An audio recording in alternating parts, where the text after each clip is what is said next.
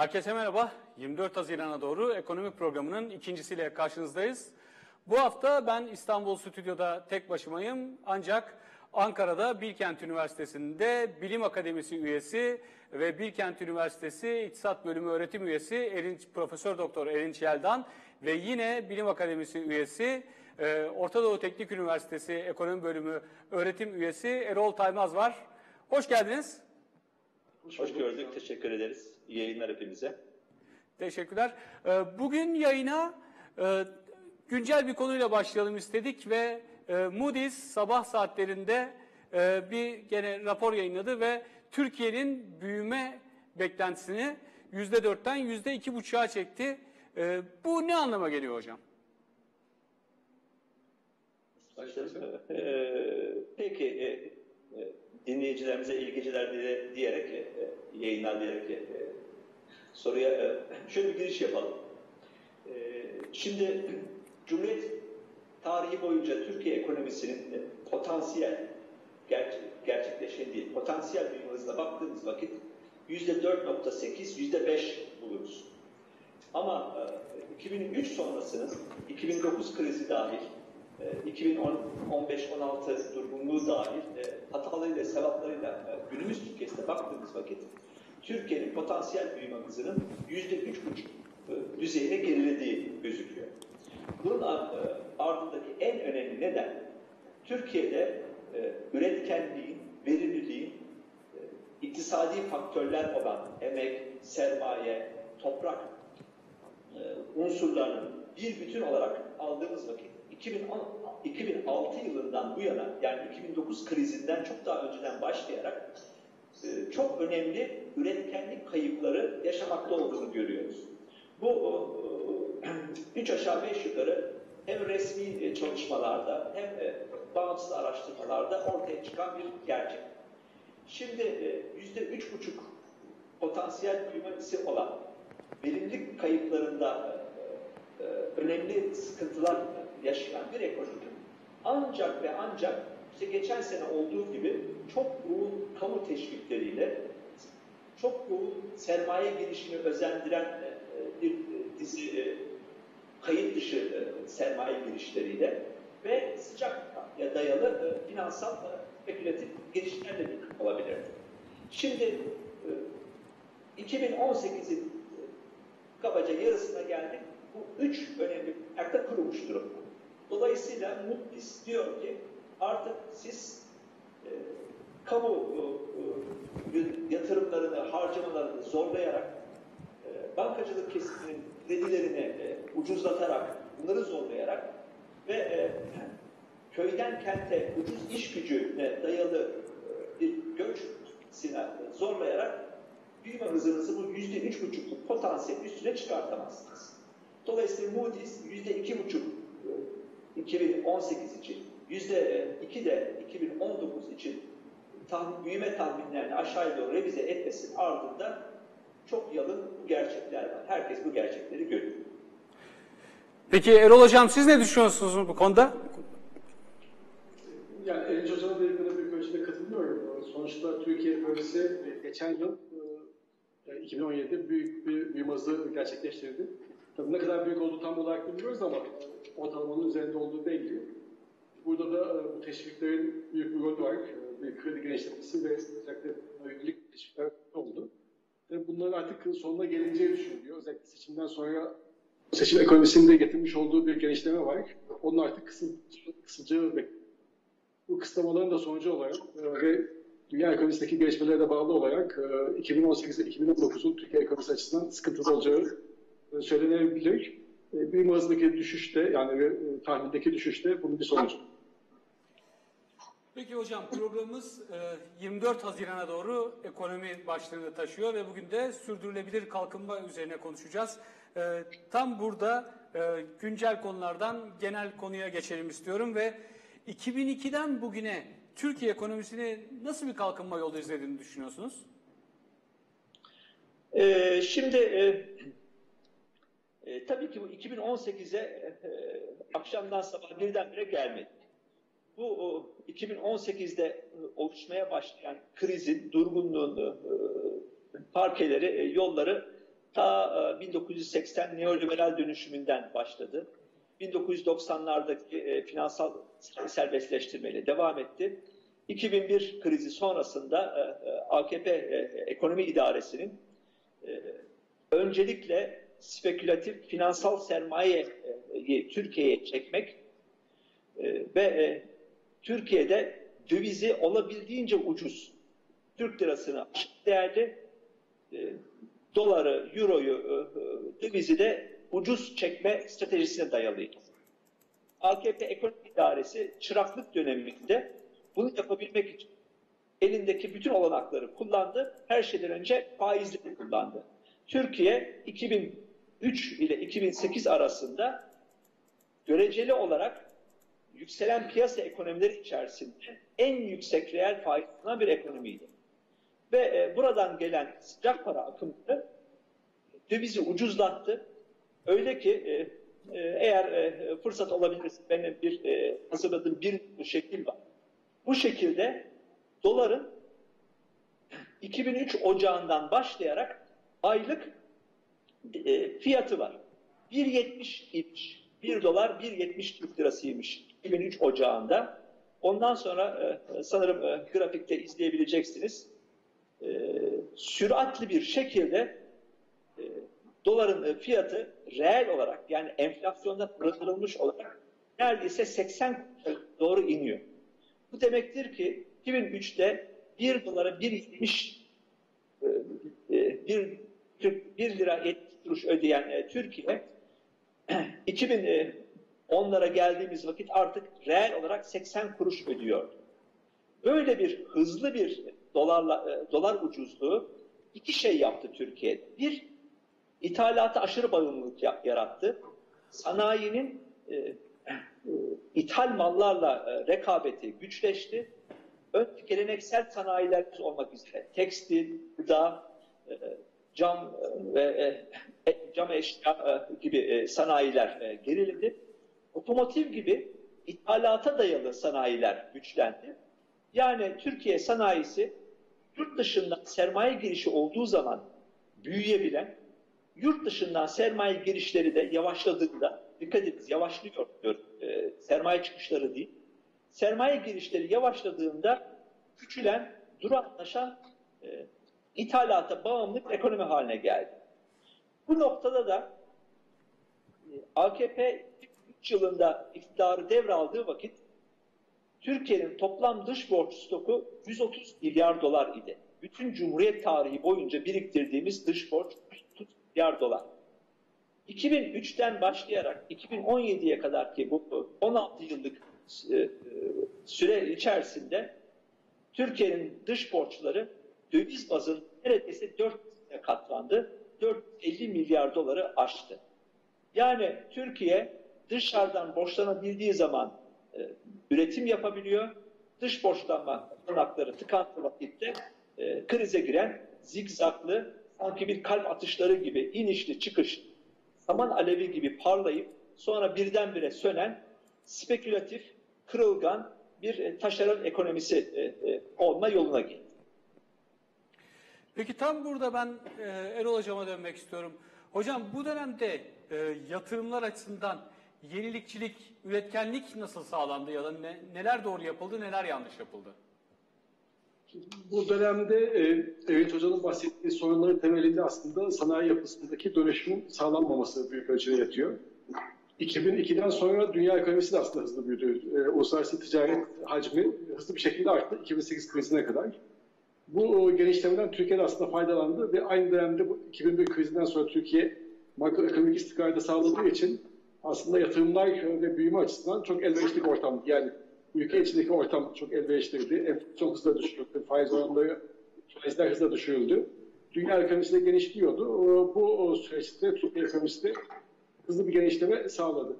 Fakat 2008 krizinden sonra aslında asıl sorunlarımız o zaman ortaya çıktı. Yani bir kriz ülkedeki ülkenin sanayi yapısındaki zayıflığı göstermeye başladı. Türkiye ekonomisinin yapısına bakarsak 1960'lardan sonra sanayi yapısında ciddi dönüşümler gözlüyoruz. Bunu üç aşamaya ayırmak mümkün. Birinci aşama 1960'lar ve 70'lerde tarımsal sanayilerin e, göreceli olarak gerilemesi emek yoğun sanayi payının artması. 1980'deki ihracat patlamasında da aslında bu e, emek yoğun sanayi, özellikle tekstil hazır çok önemli bir rol oynadı. Türkiye'nin temel ihracatçısı tekstil ve hazır giyim oldu. 1980 ve 90'larda. 90'ların ortasından itibaren de makine ve otomobil sanayilerinin gelişmeye başladığını görüyoruz. Bunların ihracattaki payı arttı. Fakat e, bu dönüşüm e, 2000'li e, yıllarda devam etmeyemedi. E, 2000'li yıllara bakarsak e, günümüzde hala Türkiye'nin en büyük ihracatçı, net ihracatçı sektörü tekstil ve hazır giyim.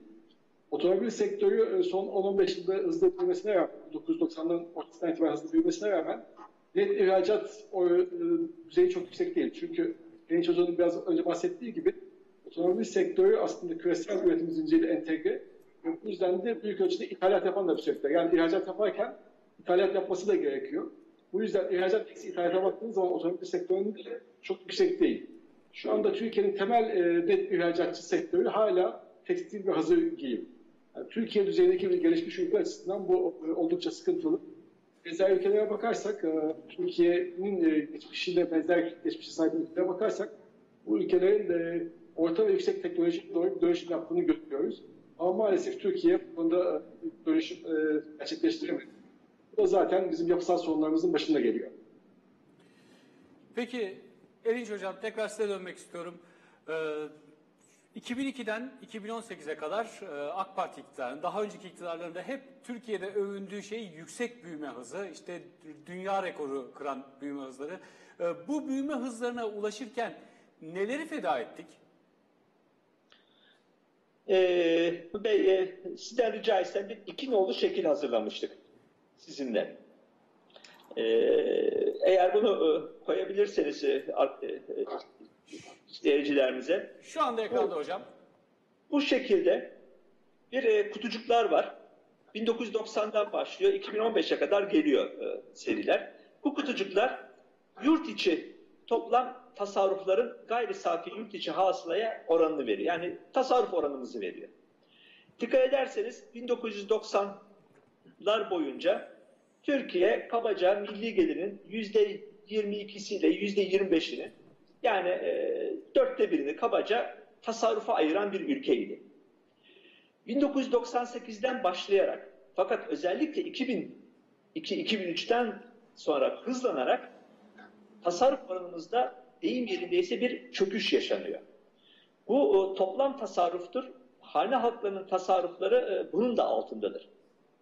E, bu çok beklenen bir olgu. Çünkü e, biraz evvel bahsettiğimiz ucuz döviz, sermaye girişlerinin iyi denetlenememesi, iyi idare edilememesi sonucunda Türkiye spekülatif finansal e, sistemin cazibesine kapılıyor. Bunun yarattığı e, anlık e, sıcak para gelirleri de tüketim patlamasına bir ithalat cennetine e, e, dönüştüren tüketim patlamasına neden oluyor. Tüketim payları düştükçe tasarruflar da düşüyor. Dolayısıyla birinci ödediğimiz bedel bu oldu. Türkiye e, ulusal tasarruflarını deyim yerindeyse 2000'li yıllarda tahrip eden bir e, e, büyüme stratejisi izledi. Tasarrufların düşmesi ne demek?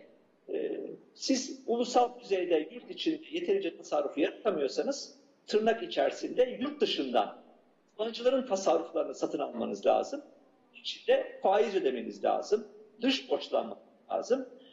E, e, ülkemizin bağımsızlığını tehlikeye düşürecek bütün siyasi ödünleri vermeniz lazım. AK Parti iktidarları hemen hemen bütün bu koşulları yerine getirdiler. 2003 sonrası AKP dönemi faiz lobisi denilen e, bugünün kavramları açısından tam kendisini e, yönetti. E, yüksek reel faiz ile yabancıların tasarruflarını Türkiye'ye çekerek Türkiye'deki tasarruf açısından çalıştı. Şimdi aynı grafikte bir de aşağı doğru inen bir çizgi var. O da e, milli gelir içerisinde sanayi üretiminin payı. Dikkat edin sanayinin de payı giderek azalıyor. Bu iki süreç tabii birbirine bağlı. Daha fazla tüketiyoruz ama neyi tüketiyoruz? Yurt dışından ithalat tüketiyoruz. O yüzden yurt dışındaki ithalat da e, sanayinin, sanayi üretimini işte ne alt için sanayi artık göreceli olarak önemini kaybediyor. E, konut, inşaatı, e, ulaşım sektörü, enerji gibi hizmet sektörlerine giderek akan bir milli gelir yapımız var. Dolayısıyla sorunuzun e, özüne gelirsek iki şeyden feda ettik. Bir, artık yurt içinde yeterli derecede tasarruf yapamayan, bu tasarruf eksikliğini dış borçlanmayla karşılayan bir e, e, dışa bağımlı ekonomiyiz. İki, e, uluslararası literatürde sanayisizleşme diye anılan bir sürecin çok önemli örnek ülkelerinden biri haline geldik. Sanayimizin e, e, milli gelir içindeki payı ve e, vaktimiz olursa belki bir sonraki tur istihdam üzerine konuşurken e, e, aktarırız. Sanayi istihdamının da toplam istihdam içindeki payı giderek düşüyor. Hatta e, daha bir e, e, çarpıcı sıfat kullanmak gerekirse çöküntü noktasına geliyor. Milli gelir içinde sanayimizin payı %25, %30 düzeyinden %15 düzeyine gerilemiş durumda. Tasarruflarımız da keza %14, %12'ye gerilemiş durumda bu dönem içinde. Peki Erol Hocam e, bu şekilde tasarruflarımız gerilerken e, sanayinin payı e, milli gelirde düşerken e, ne yapmamız lazım? Nasıl bir politika izlememiz lazım? Bu konuda aslında izlenecek politikalar belli. Yani burada e, bir şey, mucizeye beklemek gerek yok. Gerçekten çok belli. Eğiç Hoca'nın bıraktığı yerden devam edersek, bir şeyi tüketim yapıyorsanız bunun üç kaynağı var tüketimini yapmanızın. Bir tanesi siz üreteceksiniz. İkincisi borç alacaksınız. Üçüncüsü de bir varlığınızı satıp bunun karşılığında o tüketimi yapacaksınız. Yani evinizi satacaksınız, e, tüketeceksiniz. Ya da borç alacaksınız ya da kendiniz üreteceksiniz. Şimdi Türkiye bu son e, 10 yıllık dönemde borçlanmanın da kolaylaşmasının etkisiyle bu borçlanmayı tercih etti. Bizim cari açık dediğimiz aslında borçlanmak. Yani cari açığınız fazlaysa borçlanıyorsunuz sonuç. Ya da o borcu ödemek için sonunda geldiğiniz nokta varlıklarınızı satacaksınız. Yani ülkenizdeki varlıklarınızı, yap, iş, firmalarınızı satacaksınız. İşte e, evlerinizi satacaksınız. Mutlaka bir varlığı satmanız lazım. Genellikle krizlerin sonunda olan budur. Bir kriz olduğu zaman da varlığınızı satarsınız. Olduğu şekilde finans edersiniz. Bu ikisine girmek istemiyorsanız üretim yapmanız lazım. Üretim yapmanın da iki temel koşulu var. Bir tanesi yatırım yapmanız. Çünkü üretim kapasitesini oluşturmanız lazım. İkincisi de üretim yapacak olan teknolojiyi geliştirmeniz lazım. O teknolojiye sahip olmanız lazım. Yatırımlarla ilgili olarak Ece Hoca biraz önce rakamları verdi. Türkiye'de yatırım oranları düşük. Niye? Sarf oranı, sarf oranı düşük olduğu için yatırım oranları da düşük. Bu da e, üretken kapasitenin gelişmesini engelliyor. Artı e, şunu da vurgulamak lazım. Türkiye'de yapılan yatırımların da önemli bir kısmı üretken olmayan yatırımlar. Yani e, konut gibi işte benzer yatırımlar. Bu da e, orta uzun dönemde sizin kapasitenize çok şey eklemiyor. Daha tüketime yönelik yatırımlar oluyor. Bu da üretken bir yatırım değil. O anlamda da yani yatırım iki yapmak, üretken olan ve olmayanlar değil. Yani bir yazlık yaptığınız zaman tamam bu bir yatırımdır ama sizin üretim kapasite, kapasitenizi arttırmıyor zaten. Birinci kısmı yatırım yapmanız lazım. Yatırım için de tasarruf yapmanız lazım. İkinci boyutu da teknoloji boyutu. O teknolojiye sahip olmanız ve o sürekli teknolojiyi geliştirmeniz lazım. E, bu da e, kolay değil çünkü teknoloji geliştirme olayı uzun önemli bir iş. Yani 10 yıl, 15 yıl sonrasına bakıyor olmanız lazım. Yatırımcının 10-15 yıllık bir perspektifle yatırım yapmanız lazım. Ama özellikle kısa dönemde getirileri daha cazip bir ortamda, diyelim ki rant getirisi kısa zamanda daha fazla elde edebiliyorsanız elbette hiçbir yatırımcı kalkıp 10 yıllık, 15 yıllık bir dönem sonrası için teknoloji yatırım yapmayacaktır. Bu nedenden dolayı da e, üretim kapasiteniz gelişmeyecektir. Türkiye'nin bence temel iki sorunu bu. Yani yatırımların, üretken yatırımların olmaması e, artı teknolojiye yönelik, insan sermayesine yönelik yatırımların olmaması. E, Türkiye büyük ölçüde rekabet gücünü e, düşük ücretli, niteliksiz iş gücüyle sağlamaya çalışıyor. Bu da bir kısır döngü. Çünkü buna girdiğiniz zaman sürekli maliyetleri baskılayan, ücretleri baskılayan bir politika izliyorsunuz. Ücretleri baskıladığınız zaman da iş gücünün nitelik kazanmasını, insan sermayesinin gelişmesini engelliyorsunuz. Yani Türkiye bu nedenden dolayı gelişmek istiyorsa birincisi yatırım oranlarını arttıracak. Bunun için de tasarruf oranlarını arttırması lazım. İkinci olarak da insan sermayesine nitelikli iş gücünü ve teknolojik gelişmeye vermesi lazım. Ben e, Erol Taymaz Hoca'nın e, bu e, yatırımların dağılımı e, e, perspektifine e, bir iki rakam vermek e, isterim eğer derseniz. E, örneğin e, sabit sermaye yatırımı kavramı içerisinde değerlendirdiğinde milli gelirimizin kabaca yüzde 25'ini e, sabit sermaye yatırımlarına yatırıyoruz. Bunun e, içerisinde sabit sermaye yatırımının yüzde 15'i kabaca konut inşaatına gidiyor. Ama eğitim, sağlık gibi sosyal altyapı diye adlandırdığımız e, insana yatırım yaptığımız e, sektörlere toplam sabit sermaye yatırımının sadece yüzde dördü aktarılıyor. Şöyle bir son bir 10 seneye baktığınız vakit milli gelirimizin kabaca yüzde onu inşaat üretimi. İşte e, 800 milyar dolarlık bir e, e, milli gelirimiz var. Bunun e, yüzde onu 80 milyar dolar yapar. E, 10 sene boyunca biriktirdiğiniz vakit yarım trilyondan dolar, yarım trilyon dolardan fazla bir e, meblağ anlamına gelir. Yani Türk son 10 sene içinde neredeyse yarım trilyon dolar 500 milyar doları aşk bir e, e, parayı dışarıdan borçlanarak inşaata, betona, konuta yatırdı. Burada elbette ki e, e, konut sayısının artması, e, inşaat aktivitesinin canlanması, e, e, yeni istihdam, yeni bir milli gelir artışı sağlamış olabilir. Fakat Erol Hoca da e, vurguladığı gibi bunlar bir defalık aktivitelerdir. E, stok e, türü faaliyetlerdir. Ama sanayi veya tarım e, böyle değil. Sanayi ve tarım akım e, sektörleri. E, inşaat özü itibarında işte bu akıllı binalar, e, uzaktan kumandalı açılıp kapanan perdeler, parmak iziyle, göz retinasıyla açılan kapılar gibi yeni teknolojiler döviz kullanan bir faaliyet unsuru. Yani inşaat aslında döviz girdisi yüksek olan fakat nihayetinde döviz kazandırmayan bir e, faaliyet.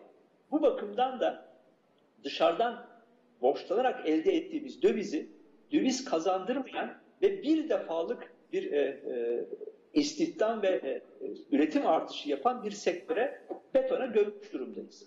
Bu da Türkiye'nin biraz evvel bahsettiğim sanayisizleşme, e, eğitimde iş gücünün gerilemesi, e, inovasyona, beşeri sermayeye, sağlığa yeterince yatırım yapmayan bir ülke e, nihayetinde konuşmamızın en, en başında Moody's bağlamında e, gördüğümüz üretkenlik artışlarının da sınırlıyor. Çünkü üretkenlik artırıcı e, yatırım yapmıyoruz. Bu yüzden de potansiyel büyüme hızımız yüzde üç buçuk düzeyine değin gerilemiş durumda. Ne zaman ki biz bu yüzde üç buçuk yapay yollardan zorlayıp ek teşviklerle kamu maliyesini e, çıkmaza sokarak bunun üzerine çıktığımız noktada da bunun bedelini ya enflasyonda hareketlilik ve e, döviz kurundaki, dolardaki pahalılaşma veya e, e, doğrudan doğru bir kriz ve işsizlik olarak da ödemekteyiz. Peki hocam burada şeyi sormak istiyorum. Ee, yatırımlarda büyük yanlışlar yapıldı. O sırada sanayi ve tarımda da çok büyük gerilemeler yaşandı. Peki sanayi ve tarım üretiminde nasıl hatalar yapıldı? Yani Erinç Hocam size sordum. Bu şey e, kısmında sizin gönderdiğiniz sunumda sanayi ve toplam tarım dışı istihdam üzerinden sordum bu soruyu. E, o zaman e, elinizde e, ki, e, bu e, dört nolu şekle e, vurgulayalım. E, eğer gösterebilirsiniz. Yayında Burada da- hocam. Ee, burada da e, gene e, aylık bazda e, e, 2000 e, 2005'ten başlayarak e, 2017'nin sonuna kadar e, sanayi istihdamının payı var. Dikkat ederseniz e, özellikle 2010'dan başlayarak sanayinin istihdam payı hızla geriliyor neredeyse mutlak anlamda çalışan sayısı da gerilemeye başladı. Şimdi e, e, istihdam artıyor, toplam istihdam artıyor. Fakat hangi tür istihdam artıyor? E, güvenlik, e, özel güvenlik görevlileri artıyor. Lokantacılık, e, turizm e, şirketlerindeki e, e, istihdam payı yükseliyor. E, çoğunlukla küçük üreticilerin e, istihdamı artıyor. Kendi hesabına çalışanlar artıyor. Bir de köyden, kırdan, kente göçün e, olası kıldığı ucuz iş gücüne dayalı geçimlik düzeyde mevsimsel istihdam biçimleri artıyor. Sanayi istihdamı çoğunlukla özünde örgütlü işçi kesiminin, formal işçi kesiminin e, ILO tanımlarına göre iyi işler, insan onuruna yakışır iş kapsamında değerlendirdiği iş biçimlerini e, istihdam eder sanayi. Sanayideki gerileme e, kentlerin giderek taşeronlaşması, enformalleşmesi, e, kent merkezlerinin etrafında haleler biçiminde gece kondulaşma, çarpık kentleşme e, e, sürdürülmesiyle giderek proleterleşen e, ucuz iş gücüne, mevsimselliğe, esnek e, üretim biçim, esnek, e, esnek üretim ve istihdam biçimlerine dayalı bir e, istihdam e, sistemi ortaya çıkıyor. Tarım sektörü gerileme geçenlerde medyada AK Parti'nin ilk e, iktidara geldiği dönemde kişi başına fasulye, bakliyat, mercimek gibi doğrudan doğruya reel üretim düzeylerimizi e, sergileyen e, rakamlar e, okuduk. Kişi başına tarım hasılamız ya durağanlaşmış durumda ya da gerilemiş durumda. Bahsettiğimiz bu ithalata dayalı büyümede tarım sektörü de kendi payına düşeni alıyor. Tarımın bir unsurda kuşkusuz hayvancılık sektörü. Hayvancılık sektörü de yürütülen muazzam bir propagandayla devlet süt üretmez, balık üretmez, et üretmez diyerek et balık kurumu e, ve e, e, toprak mahsulleri ofisinin siloları hızla e, özelleştirildi.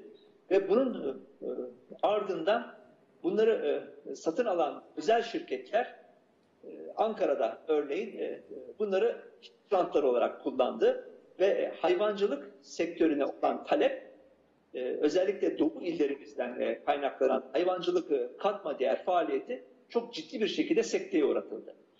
Tarımı küçülen, sanayisizleşme içine giren bir Türkiye'nin ürettiği en önemli mal olarak şu anda finansal, e, spekülatif enstrümanlar ve e, güvenlik, lokantacılık, e, e, e, halk arasında mercimek köftesi satan e, kadınlar e, metaforuyla e, betimlenen küçük üretimciye kendi başına, e, kendi hesabına çalışan aile işletmecine dayalı üretim biçimleri kaldı. Türkiye hızla bir yandan e, gelir dağılımı bozulurken bir yandan da e, istihdam kalitesi düşmüş, en formal e, istihdam e, biçimlerine mahkum bir ülke konumuna sürükleniyor.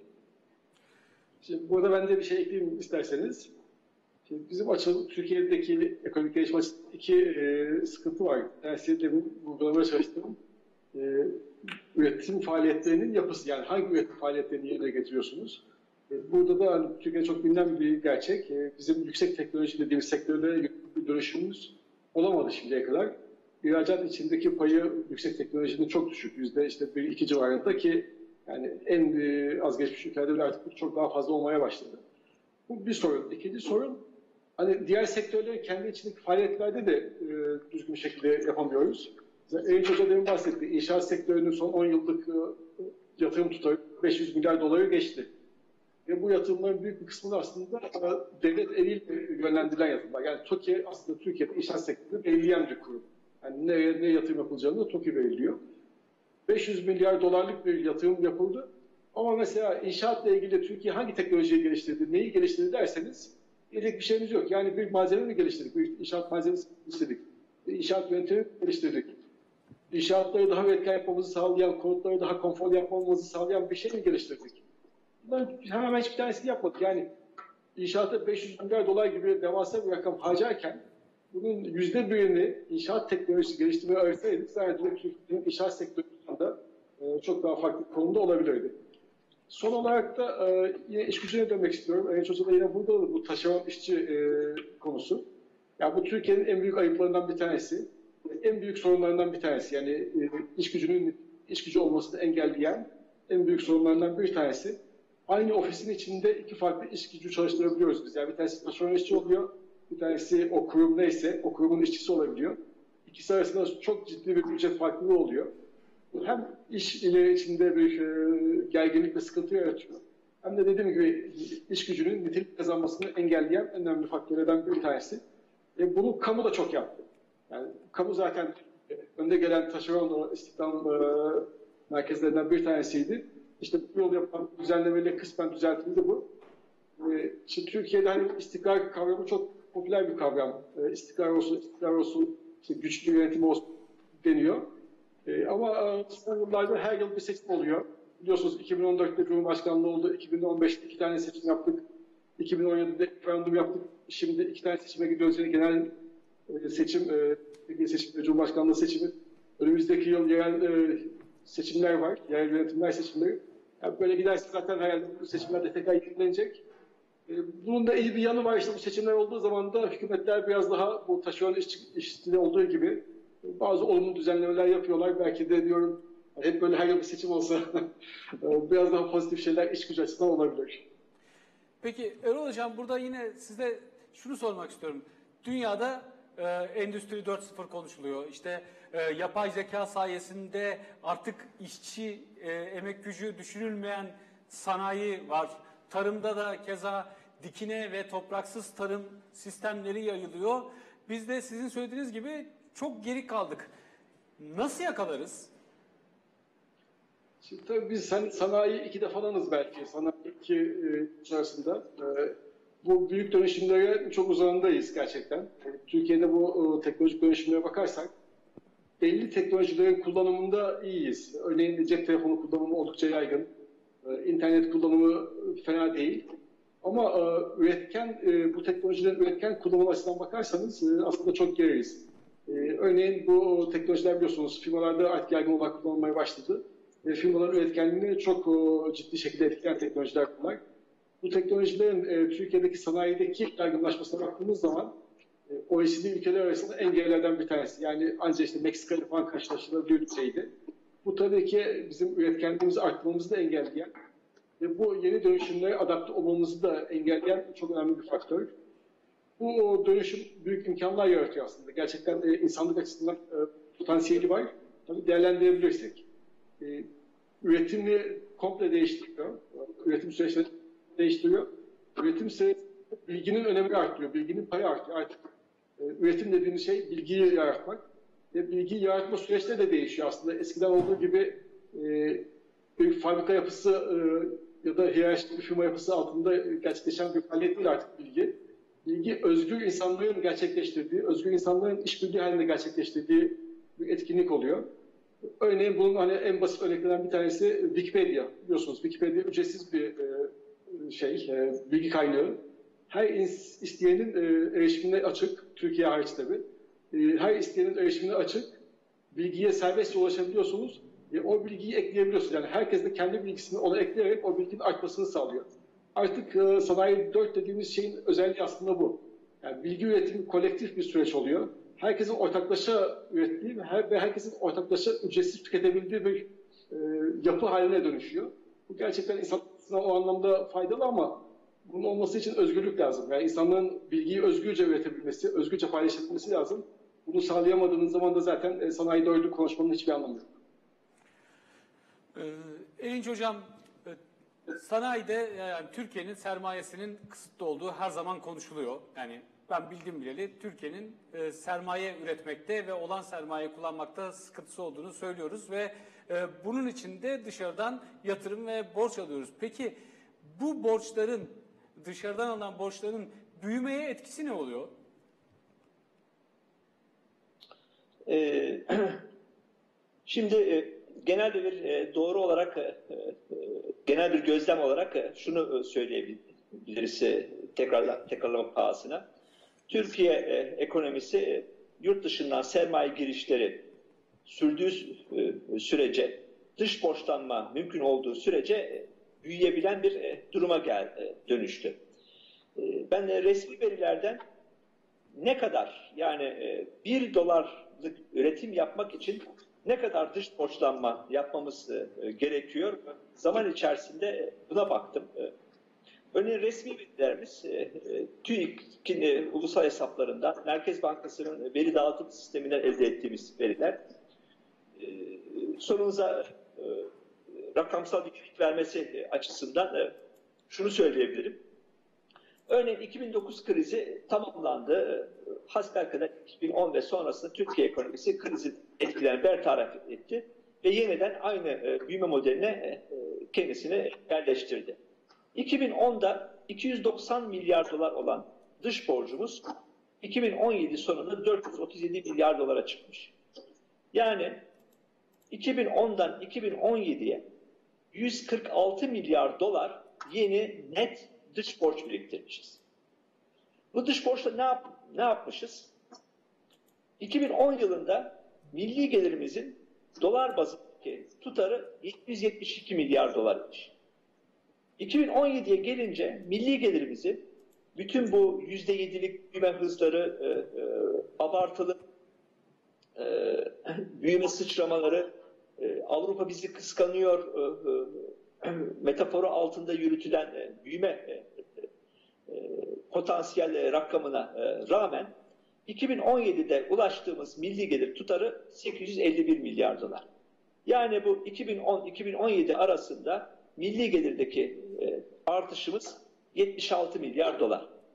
Şimdi 2010'dan bu yana 2009 krizini atlattıktan sonra dünya ekonomileri çok önemli dersler alıp kendi ulusal sanayilerini, ulusal tasarruflarını arttırıcı, ihracatlarını genişletici, ihracat pazarlarını e, e, genişletici e, tedbirler alıp bir yandan borç yüklerini düşürür, bir yandan da enflasyonu düşürüp elde edip e, kaynakları eğitime, inovasyona, bilgi ekonomisine ve sanayi 4.0'a e, ayırmaya başlarken Türkiye sadece 76 milyar dolar daha fazla üretebilmek için neredeyse 150 milyar dolar net dış borçlanma yapmış olan bir ülke. Yani bu dış borç bağımlılığının e, döviz girişinin e, altını ne kadar çizsek e, yetersiz kılıyor. Türkiye kendi ulusal kaynaklarını harekete geçiremediği sürece ve e, gerçekten iş gücünün niteliğini arttırıcı, beşeri sermayenin niteliğini yükseltici yatırımlara e, yönelmediği sürece gayri safi yurt içi hasılasındaki artışları ancak ve ancak ithalat aramalı ve ithalat yatırım mallarının finansmanına e, e, indirgemiş oluyor. Bu aramalı ve yatırım malı ithalatı üretimi ve ihracatı olası kılıyor. Fakat sermaye yoğun bir teknolojiye bizi mahkum kıldığı için de e, sürekli olarak işsizlik yaratan e, milli gelir üretimi içerisinde daha çok ithal sermaye malı e, kullanan yurt içindeki istihdamı da taşeronlaştıran, enformalleştiren, marjinalleştiren ve işçi ücretlerini enflasyonun altına iterek reel anlamda yoksulluğa mahkum eden bir büyüme stratejisi veriyor. Rakamsal olarak Türk lirası bazında saman alevi gibi parlayan büyüme epizotları yaşıyoruz. Fakat 2018'de e, yayınımızın başında Moody's'in de e, e, tahminlerini paylaştığı gibi her bir böyle saman alevi gibi e, parlayan büyüme dalgası bir sene sonra ya doğrudan doğruya bir kriz veya e, emekçilerin, e, memurların e, üzerine e, indirilmiş bir e, kemer sıkma gerektiren e, durgunlaşma olarak bunun bize bedelini ödettiriyor. Hocam peki dünyada Türkiye'nin rakibi diye bir ya da e, Türkiye'ye denk diyebileceğimiz ülkelerle karşılaştırdığımızda durum ne? Örneğin hep verilen bir örnek var. E, 1950'lerde Türkiye İtalya'yı yakalamak istiyormuş. İşte Türkiye yeni İtalya olacak deniyormuş. Daha sonra bu Yunanistan olmuş. Daha sonra 70'li yıllarda Güney Kore ile e, rekabet içinde gibi gözükmüşüz ama bugün bu saydığımız ekonomilerin hepsi İtalya ile Yunanistan büyük krizde olmalarına rağmen bizim çok ötemizde gözüküyor. Şu anda Endonezya ve Malezya ile e, e, karşılaştırılıp e, e, rakip hale gelmiş durumdayız. E, yeni bir lig e, burası. Ya burada şey vereyim, Kore dediniz onunla ilgili örneği vereyim. 1950'lerde 60'larda 50'ler diyelim ki savaş sonrası etkisi vardı. 1960'larda Türkiye'deki kişi başına gelir Kore'nin iki katıydı. Bugün Kore'deki milli gelir Türkiye'nin iki buçuk katı kadar. Ee, Yani o çarpıcı fark e, tabii Kore değişik bir ülke. Yani dünyadaki en başarılı ülkelerden bir tanesi büyüme açısından ama yine de potansiyeli gösteriyor. Ee, Yani Türkiye'nin neyi gerçekleştirebileceğini ve neyi gerçekleştiremediğini gösteriyor.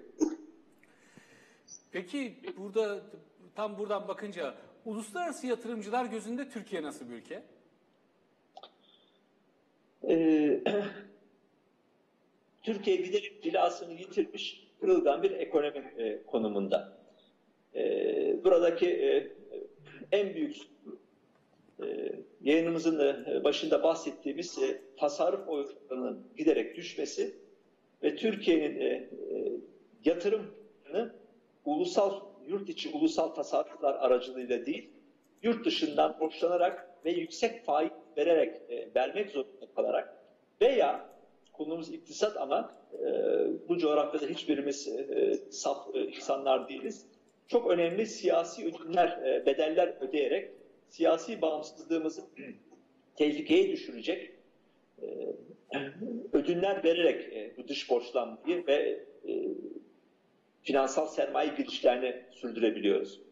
Türkiye'nin bu anlamda e, e, takip ettiğimiz e, ne, ne, uluslararası net yatırım pozisyonu diye bir verisi var. E, şirketlerimizin, bankalarımızın toplam yatırım faaliyetleri ile e, kendi öz kaynaklarına dayalı e, tasarrufları arasındaki e, farkı verir. Bu döviz bazında. E, 2000 yılında Türkiye'nin net uluslararası yatırım pozisyonu eksi 200 milyar dolar. 2000 yılındaki rakam bu. 2017 sonundaki rakam eksi 450 milyar dolar. Yani siz uluslararası arenaya, küresel, küresel ekonomiye ben yatırımlarını sürdürebilmek için net uluslararası yatırım pozisyonu olarak eksi 450 milyar dolar lık bir ekonomiyim ve e, her sene 50 milyar dolarlık bir cari işlemler açığı, dış açık veriyorum ve dış borçlarımda son 10 sene içerisinde ikiye katlamış olan bir ekonomiyim e, mesajı veriyorsunuz.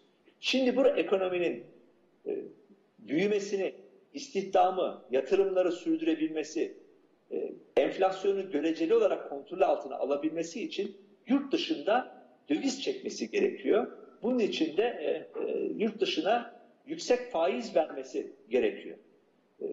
Ne zaman ki Türkiye yurt dışından bu döviz girişlerini sağlayamıyor ise e, tekrardan ekonomide ciddi bir noktasına geliyor. Bu anlamda e, e, Türkiye'nin bu kadar kırılgan bir ekonomi olarak küresel ekonomiye e, e, e, çıktığı bir noktada sizin çıkıp e, e, yurt dışına iktisat dersleri vermeniz, ekonomideki e, yanlış e, stratejinizi, yanlış politikalarınızı sanki bir milliyetçilik e, edebiyatı üzerinden sürdürmeniz sadece ve sadece e, Türkiye'deki yoksulluğun e, derinleşmesine, iktisadi krizin e, koşullarının olgunlaşmasına yol açıyor. Ee, Erol Hocam, yani bu durumdayken Türkiye'nin elinde aslında en büyük sermaye herhalde genç iş gücü. Ee, dünyadaki örneklere baktığımızda birçok ülkede bu genç iş gücü eğitim sayesinde yani doğru eğitim politikalarıyla iyi yönlendirildiğinde e, ihraç malı haline bile gelebiliyor. Yani burada insanlara mal demek biraz şey oldu ama e, ürettikleri diyelim. Evet, benim hatam oldu. Kusura bakmayın. Ee, örneğin küçücük bir Estonya e, Avrupa'da IT'de, bilişimde ara eleman eksiğini görüp o konuda eğitimlere yön veriyor ve e, bir bakıyorsunuz dünyadaki birçok büyük şirketin bilişim sektöründe ara elemanı Estonyalılar oluyor. Biz bu konuda ne yapabiliriz? Türkiye tabii genç nüfus gerçekten çok önemli bir e, kaynak.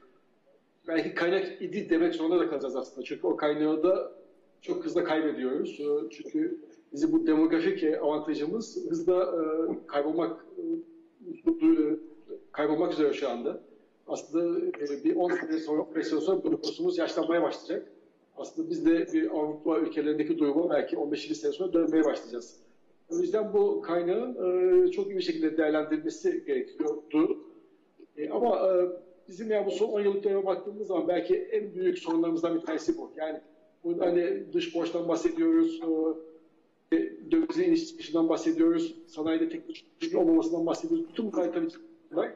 Ama bütün bunların da ötesinde en ciddi sorun bu genç nüfusun eğitimi, genç nüfusun e, yetişebilmesi, yetişmesi e, konusu. Çünkü bunun etkisini şu anda görmüyoruz. Bunun etkisini işte 10 sene sonra, 15 sene sonra göreceğiz. Yani 10 sene sonra doktora gittiğiniz zaman, 10 sene sonra bir mühendise gittiğiniz zaman nasıl bir şeyle karşılaşacağınız işte bugünkü eğitim tarafından belirlenecek olan bir şey. E, maalesef bu konuda da e, Türkiye son 10 yıldır, son 15 yıldır e, pek olumlu bir şey gösteremedi. Eğitim sistemindeki değişiklikleri görüyorsunuz. Yani her sene lisede, üniversitede eğitim sistemi değişiyor. Her sene kurallar değişiyor. Neyin, ne, niçin, neyin değiştiğini anlamak bile mümkün değil. Ve böyle bir eğitim sisteminde öğrencilere bilgi vermemiz de onları yaratıcı e, insanlar yapmamız da çok mümkün değil. E, eğitime, de örnek verdi. Eğitime yapılan yatırımlar düşük. Mesela konta yapılan yatırımın yanında eğitime yapılan yatırım üçte bir düzeyde. Ama bu yapılan yatırımın kendisi bile aslında yeterli dönüşü sağlayamıyor bize. Bunun en net örneği de biliyorsunuz bu PISA testleri, smart testler. OECD ülkelerinde yapılan ve lise öğrencilerine sorulan sorular var. Aynı sorular. Değişik ülkelerde soruluyor. Maalesef bu testlerde e, öğrencilerimizin düzeyini görüyoruz. Çok düşük. Yani öğrencilerimiz bilgiye sahip değil. E, daha da önemlisi yeter, bu yeni bilgilere adapte olabilecek yeteneklere sahip değil. Biz onlara bu yetenekleri e, sağlayamıyoruz. Bu da tabii genç nüfusumuzu kullanma konusunda en büyük handikaplarımızdan bir tanesi. Genç nüfus çok büyük bir avantaj ama onu değerlendirebilirseniz, onu yetiştirebilirseniz, ona imkanları sunabilirseniz. Biz zaten hani gençleri, e, yani genç demek Türkiye'de artık olumsuz bir şeye dönüştü, e, kavrama dönüştü maalesef. Hani genç deyince böyle bir tehlikeli bir şey gibi değerlendiriyoruz. E, onlara gerek olan eğitimi de vermeyince maalesef e, aslında 10 sene sonraki, 20 sene sonraki geleceğimizi harcamış oluyoruz. Ee, Erinç Hocam şu anda Türkiye e, 24 Haziran'a 25 gün kaldı sayılır artık. E, seçime doğru gidiyor ve partiler de birer birer seçim bildirgelerini açıklıyorlar. E, siz bu bildirgelere baktığınız zaman e, kimin iktidara geleceğinden bağımsız olarak e, bu bildirgelerdeki ekonomik politikaları umut var buluyor musunuz? Ee, şimdi tek tek e, siyasi partilerin belki e, bilgilerini e, tartışacak e, vaktimiz yok. Belki programda e, bu amaçla değil. Fakat e, çok e, ekonomide genel doğrular ve yanlışlar e, bakımından e, hareket edelim e, müsaade edersek. Şimdi e, Türkiye'nin e, e, son bir, bir buçuk sene içerisinde e, çok aşırı e, derecede hızlandırılmış e, yapay şekilde e, büyümesi e, e, pohpohlatmış bir e, ekonomik yapısı var. Bunun e, tekrardan dengeye gelmesi lazım. Hatta e, şöyle söyleyeyim, e, e, bugün e, demecinde e, Sayın Mehmet Şimşek e, Londra'dan Türkiye ekonomisinin dengelerin yeniden kurulmaya başlandığını vurguluyordu. Demek ki dengeler bozulmuş. Yani e, AKP'nin ekonomi idaresi de e, Türkiye ekonomisinin dengelerinin bozulduğunu bu şekilde e, e, kabul etmiş e, durumda. Dolayısıyla ilk adımımız bu dengelerin e, tekrardan tesis edilmesi olur. Bunun için e, gerek e, e, kamu maliyesinin görece olarak dengede olması gerekecek, gerekirse de e, biraz evvel bahsettiğimiz bu tasarruf yatırım dengesi yani dış açık, dış borçlanma gereğinin e, makul düzeyde indirilmesi, bunun dizginlenmesi gerek olacak. Hem dışarıdaki açığı kapatacağız, hem de içeride e, e, kamu e, sektöründe açık yaratmayacağız. Bunun için çok önemli kaynaklarımız e, olduğunu düşünüyorum ben. Örneğin e, e, konut inşaatıyla e, alevlenen e, imar rantları e, tam bir e, gelir dağılımını bozucu bir rantyer e, gelir olarak e, e, ortaya çıkmış durumda. Bunlar hiçbir şekilde vergilendirilmiyor. E, imar rantlarının vergilendirilmesi, vergi yükünün e, dolaylı vergiler ve e, kaynağından alınan ücret ve maaşların kaynağından alınan e, gelir vergisi biçiminden e, e, giderek e, çıkartılarak sermaye gelirleri üzerine e, yansıtılan bir vergi reformuna yönelinmesi e, Türkiye için önemli bir e, e, görev olarak ortada duruyor. Bu hem Türkiye'deki e, gerek e, Ankara'nın doğusu ve batısı arasındaki coğrafi eşitsizliği e, e, gidermek hem de e, fonksiyonel anlamda emek ve sermaye arasındaki e, büyüyen uçurumu, gelir dağılımı çarpıklığını düzeltmek açısından önemli bir enstrüman olarak e, kullanılabilecek bir olanak e, olarak duruyor. Dolayısıyla e, e, sermayenin ve özellikle imar rantlarına dayalı e, e, sermayenin e, vergilendirilmesi e, önemli bir e, kaynak. Bunu yaparken tabii ki e, sermayenin e, hareketliliğinin e, kısıtlanması, sermaye çıkışlarının e, e, dizginlenmesi, denetlenmesi, yurt içinde e, sermaye birikiminin hızlanması gerekecek. Bu anlamda da öyle zannediyorum ki kamuya çok önemli görevler düşüyor. Artık e, Türkiye'de e, e, gerçek anlamda bir sektörel planlama e, bizi e, ileri sanayi e, teknolojilerini e, kazandıracak, e, sabit e, maliyetleri e, göğüsleyebilecek bir kamu yatırım stratejisine ihtiyacımız var. Bu yolla da e, e, bizim e, sermaye açığımızı kapatmak doğrultusunda e, önemli adımlar e, atabileceğimizi düşünüyorum. E, Bunlar e, kısa orta vadeli stratejiler. Buradan kaynaklanarak Erol Hoca'nın e, ısrarla vurguladığı inovasyon, bilgi toplumu, bilgi sermayesi ve eğitime yönelik e, e, yatırımları gerçek bir bilgi toplumu ve hukukun üstünlüğüne saygılı demokratik bir toplum olmak üzere gerekli kurumsal yatırımları yaparak ben Türkiye'nin sürdürülebilir bir kalkınma hamlesini gerçekleştirebileceğine inanıyorum. Erol Hocam siz partilerin seçim bildirgelerini e, inovasyon, eğitim ve e, yapısal dönüşüm anlamında nasıl buluyorsunuz? Ya da ne önerirsiniz? Hani bundan sonra e, iki- 24 Haziran'dan sonra Türkiye ne yapmalı kısaca? Şimdi o partilerin e, belgeleriyle ilgili olarak yani kabaca şunu söyleyebilirim genel olarak. E, bu Türkiye'deki biraz politika metinlerine benziyor çoğu. Bizdeki Türkiye'deki politika metinleri genelde böyle çok uzun liste halindedir. 100 tane şey vardır. Bu yapılacak, bu yapılacak, bu yapılacak diye. Ama onların nasıl yapılacağı ve önceliklerinin olduğu belli değildir. Ve bence Türkiye'de politika geliştirme açısından hemen sorunlardan bir tanesi de bu. Yani politika geliştirmek aslında bir strateji geliştirmektir. Bir stratejinin öncelikleri olur. Hedefleriniz olur bu e, önceliklere bağlı olarak. Onları ortaya koymanız lazım. E, Bence genel olarak orada bir sıkıntı var. Yani önceliklerimiz nelerdir? Bu öncelikleri gerçekleştirmek için hangi e, yöntemleri izleyeceğiz, hangi kaynakları kullanacağız? Orada bir eksiklik var. Yani nasıl ne olması gerekir derseniz, e, yani bu konuşma boyunca vurgulamaya çalıştık. Sanayileşme aslında hala Türkiye açısından e, Türkiye'nin önemli bir motoru olacak. O yüzden sanayileşmeye önem veren, sanayileşmede de hem sanayinin içinde yapısal dönüşümü sağlayan, yapısal dönüşüm derken bu yeni teknolojileri kullanan ve üreten sektörleri geliştiren ama tekstil ve hazır giyim gibi geleneksel sektörlerde katma değerli yüksek ürünlere doğru bir dönüşüm sağlayan bir e, sanayi politikası gerekiyor. Sanayi politikasını tabii ki teknoloji ve yenilik politikasıyla desteklenmesi lazım. Yoksa bu dönüşümü sağlamamız mümkün değil. Türkiye'de bunu yapacak potansiyeli var mı? Elbette ki var. Yani bu Kore bunu yapmışsa Türkiye'nin de bunu yapacak potansiyeli var. Tek eksik tutarlı, istikrarlı, sürekli bir e, politika izlemek. Bunu izleyebildiğimiz zaman e, böyle bir dönüşümü sağlayabiliriz. Hocam çok teşekkürler. Tamam. Biz teşekkür ediyoruz Bey. Fark etmeden 50 dakikayı geçmişiz. Ee, evet, bugün Bilim Akademisi üyesi ve Bilkent Üniversitesi İktisat Bölümü öğretim üyesi Erinç Yeldan ile ve e, gene Bilim Akademisi üyesi O- ODTÜ Üniversitesi Ekonomi İktisat Bölümü öğretim üyesi Profesör Doktor e, Erol Taymaz'la birlikteydik. 24 Haziran'a doğru ekonomide bir programın daha sonuna geldik. Bizi izlediğiniz için hepinize çok teşekkürler. Haftaya yeni bir başlıkla görüşmek üzere. İyi geceler. İyi geceler.